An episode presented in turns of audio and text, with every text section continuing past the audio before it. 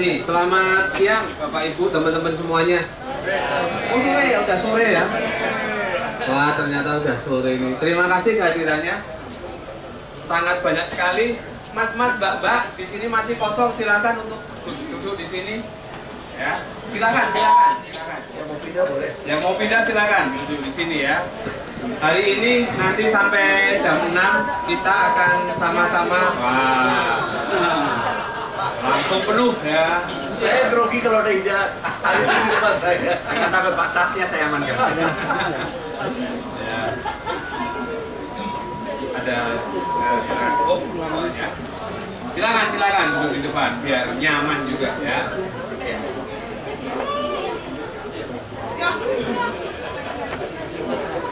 Hari ini merupakan peluncuran buku serial Disruption yang ketiga di sini, yang ketiga di sini ya. Yang dulu saya pesertanya, hari ini saya moderatornya. Jadi bangga juga memoderatori Profesor Renal. Nanti fotonya akan saya kirim ke ibu saya. Ibu saya langsung syukuran ini. ya, buku yang sangat menarik teman-teman. Silahkan nanti yang belum beli, beli beli di sini diskon 10% langsung jualan ya Prof ya. Dan kalau mau beli kaos ini ini kaos MO ini ya. Dan ternyata ketika saya pakai kaos ini saya MO, Ter- ternyata tubuh saya MO, melar oke. Ini 2XL loh. Ini 2XL saya pakai ternyata udah melar oke. Eh, nanti sampai jam 6 kita akan diskusi dengan tiga narasumber.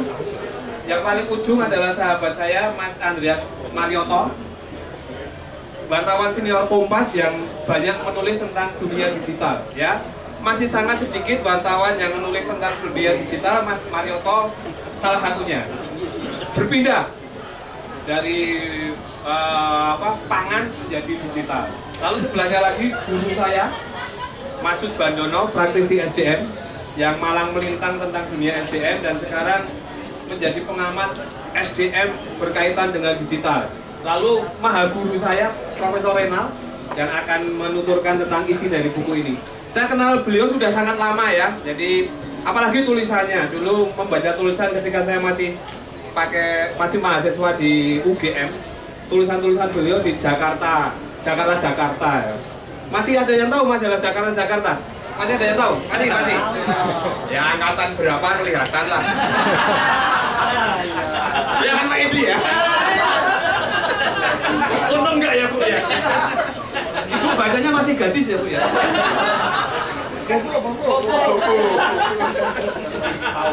Ya jadi sangat luar biasa. Dan dulu tahun 90-an sel- Profesor Renat itu selalu em, em, kalau mengeluarkan statement selalu menjadi istilah yang yang populer di Indonesia. Tahun 90-an saya sangat ingat beliau itu mempopulerkan yang namanya rumor. Jadi rumor menjadi kajian bisnis utama tahun 90-an. Lalu tahun 20, eh, tahun 2000 mengeluarkan eh, change selalu perubahan menjadi menjadi eh, kajian bisnis paling pertama di Indonesia. Lalu hari ini serial disruption disruption menjadi pembicaraan utama. Jadi beliau adalah yang menciptakan istilah-istilah sangat populer di dunia bisnis, dunia manajemen di Indonesia. Tanpa panjang lebar, yang pertama nanti silakan Mas Marioto untuk eh, menguraikan pemaparannya tentang MO ini waktu 10 sampai 15 menit. Monggo, silakan. Pak Renaldo yang punya buku saya kira. Oh, Iya. Kalau saya nanti saya salah kan repot. Pak Renaldo saya ikuti, saya salah saya perbaiki. Pak Renaldo dulu aja. justru kalau yang pertama salah nggak kelihatan. Karena jadi berarti profesor, jadi enak. Ya, Masus dulu. Masus dulu, masus dulu. Jadi masus dulu. Ini inilah era MO antara pembicara, pe- penulis buku sama moderator berdebat. Era disruption ini namanya. Ya, jadi Masus dulu. Silakan Masus. kalau mengutip pepatah ini namanya gajah bertarung pelanduk mati di tengah-tengah. Jadi ini dua gajah bertarung pelanduk ada di tengah-tengah. Tapi ya nggak apa-apa lah Dia daripada. cuma mau bilang pelanduknya masih kuat. Ya. Eh, terima kasih eh, Peri Plus, terima kasih Pak Prof Renat, Mas Lili. Eh, saya ingin men- menyebut satu grup yang di mana saya juga terlibat, Pak Rena terlibat, namanya Mahajana. Ini kalau tepuk tangan dong Mahajana dong. Kalau ibu-ibu dan bapak sekalian menengok ke arah kiri saya, ini ada ba- lurik, ya. Tenun, tenun, tenun, tenun, ya. Jangan lihat tenunnya, lihat yang memakainya. Ya. Jangan lihat tenunnya ya. Tenun bisa dipakai oleh siapa saja. Tetapi yang pakai ini luar biasa. Dan yang memimpin grup ini ada kira-kira berapa? 100 orang ya. Yang datang cuma 20. Tetapi anggota grup ini 100 orang itu adalah Mbak Ida Arimurti. Kalau Anda mengenal beliau, saya bisa nebak umur Anda berapa. Oke. Saya menerima buku ini, buku saya terima buku ini dari Periplus dari Pak Yudo itu kira-kira dua minggu atau 10 hari yang lalu yang memaksa saya baca pagi sore, pagi siang sore malam karena saya harus membedah buku ini di tanggal eh, 11 September ini. Eh, sekali lagi karena saya hanya berkompeten di bidang manajemen sumber daya manusia, saya akan melihat perspektif buku ini dari kacamata eh, sumber daya manusia. Ada tiga istilah yang bisa saya tangkap dari buku ini. Satu adalah hyperconnected society. Hyperconnected society. Pak Renat kadang menulis hyperconnected society, kadang menulis connected society. Masyarakat yang terhubungkan dengan sangat erat, hiper. Eh, termasuk kita sore hari ini ada di dalam di ruangan ini karena ada eh, connected society. Saya tadinya nggak kenal sama Mbak Ida, sekarang kenal baik. Bahkan saya ditelepon oleh beliau untuk mendatangkan ibu-ibu cantik ini dari Amahajana ini. Yang kedua adalah the main yang tidak main lagi. Jadi sesuatu hal ya eh, istilah kedua yang ingin saya saya garis bawahi adalah the main yang tidak main lagi. Artinya bahwa sekarang ini sesuatu yang tadinya menjadi sesuatu yang utama tidak menjadi utama lagi. Prof. Prof. Renat mengatakan kalau tadinya airline itu mencari uang dari jualan tiket, sekarang harus cari cara lain selain jualan tiket. Koran, contohnya Kompas yang tadinya jualan, koran dari oplahnya yang satu juta atau 500 ribu, sekarang harus cari akal supaya dapat uang tidak hanya dari jualan koran lagi. Dokter juga begitu, rumah sakit juga begitu dan seterusnya. Yang ketiga itu adalah berpikir eksploratif. Berpikir eksploratif adalah berpikir yang terus mendalam, luas dan mendalam. Yang keempat adalah ini yang menarik sebetulnya, my lab is my world. Jadi lo- eh, ruang ruang kajian kita itu tidak hanya ruangan ini saja, tetapi juga dunia ini. Teman-teman sekalian, yang tidak ada di dalam buku, tetapi masuk dalam tagar MO ingin saya sampaikan di sini. Mungkin ibu-ibu dan bapak sekalian tidak memikirkannya. Yaitu adalah fenomena terkenalnya kembali seorang penyanyi yang namanya Didi Kempot. Didi Kempot ini rekaman yang pertama kali itu tahun 1989. Lagunya pada waktu itu adalah Cidro. Sayang, saya nggak bisa menyanyikan, tapi mungkin nanti Mbak Ida kalau bisa nyanyi. Jadi biasa-biasa saja. Penyanyi terkenal, apalagi kalau dia harus pergi ke ke Suriname misalnya, maka penggemarnya bisa ribuan atau belasan ribu. Tetapi kemudian Didi Kempot itu melorot. Ketika tahun 2000 ya dia masih terkenal tetapi tidak sehebat ketika dia uh, top-topnya dulu. Didi Kempot itu seorang pengamen jalanan tadinya tiga tahun dia ngamen di Jakarta sebelum dia me- me- merekam uh, lagu pertamanya Cidro itu. Dan Kempot itu bukan nama aslinya tentunya, tetapi singkatan dari kelompok penyanyi trotoar. Jadi dia pengamen, terus kemudian dia dijuluki Kempot. Sekarang kalau sekarang kebot Ya, ya. tidak ada kempot-kempotnya karena Didi Kempot sekarang sudah terkenal duitnya banyak jadi tidak mungkin kempot lagi Eh, terus kemudian suatu ketika kira-kira enam bulan atau 9 bulan yang lalu nggak tahu kenapa ada sekelompok orang yang mengundang Didi Kempot ini untuk tampil di Solo di kota asalnya di eh, Taman Balai Kambang di Solo. Di malam minggu jelas banyak sekali orang yang datang. Banyak sekali orang datang. Kebanyakan adalah generasi milenial. Apa yang terjadi? Nyanyinya juga masih yang lama-lama juga Sewu Kuto terus kemudian eh, stasiun balapan Bojoloro ya kayak gitu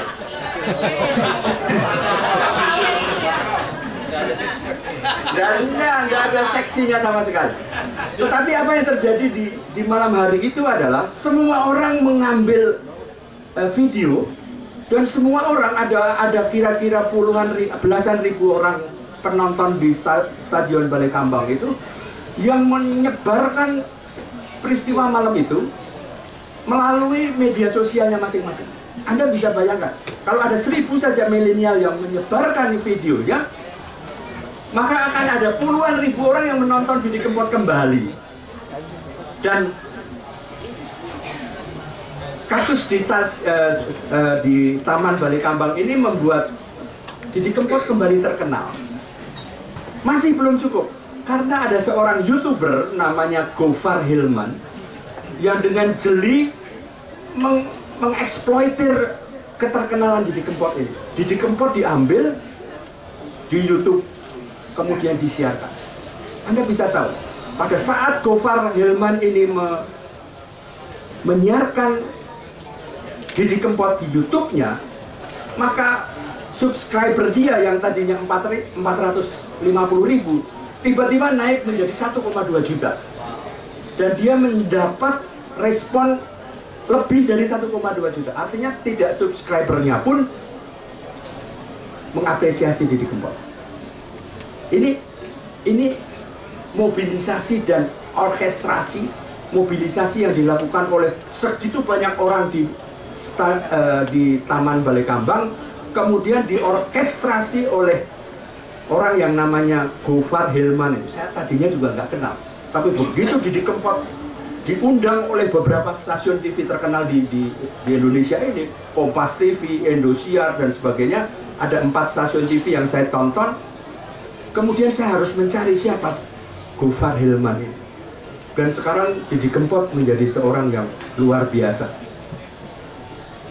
Itu satu hal terakhir Mas Lili sebelum saya mengakhiri menit ke 10 saya saya ingin menghimbau kepada mereka yang hari ini memimpin sebuah perusahaan atau menjadi pengelola manajemen sumber daya manusia di perusahaannya bahwa pelatihan dan pengembangan pegawai-pegawai yang ada di bawah Anda sekarang ini sudah berubah. Yang harus dilatih dan yang harus dikembangkan, maaf, juga untuk anak-anak Anda, cucu-cucu Anda. Saya bilang cucu dan melihat ke Bu Endang bukan karena Ibu Endang ini sudah jadi eyang. Tapi kebetulan saja saya nengok. Untuk anak Anda dan untuk cucu-cucu Anda bahwa pengembangan dan pelatihan sumber daya manusia di lingkungan kantor, di lingkungan perusahaan, di lingkungan masyarakat, di lingkungan keluarga sudah berbeda, berbeda ketika saya dahulu menjadi pegawai di perusahaan sekitar 20 tahun yang lalu. Kalau Anda masih memberikan pelatihan yang sama, memberikan pelatihan mengenai teamwork, mengenai leadership, mengenai seperti itu, dan tidak beralih seperti yang Gofar Helman lakukan, yaitu mobilisasi dan orkestrasi, maka kelar hidup Anda. Saya ingin menitipkan pesan bahwa setelah membaca buku ini, maka dari perspektif pengembangan sumber daya manusia yang oleh Pak Jokowi diangkat menjadi SDM unggul Indonesia maju. Yang disebut SDM unggul apa? Apabila SDM Indonesia hari ini mendapat bekal mobilisasi dan orkestrasi. Meskipun Gofar Hilman dugaan saya tidak pernah mendapat bahan pengembangan seperti itu. Yang paling akhir Mas Lili saya ingin sampaikan bahwa saya Pak R- eh, Profesor Renat, Mas Marioto, Pak Lili tidak akan mungkin bisa memberitahu kepada Anda dalam waktu 1-2 jam ini mengenai apa itu buku ini. Usul saya beli aja. beli saja.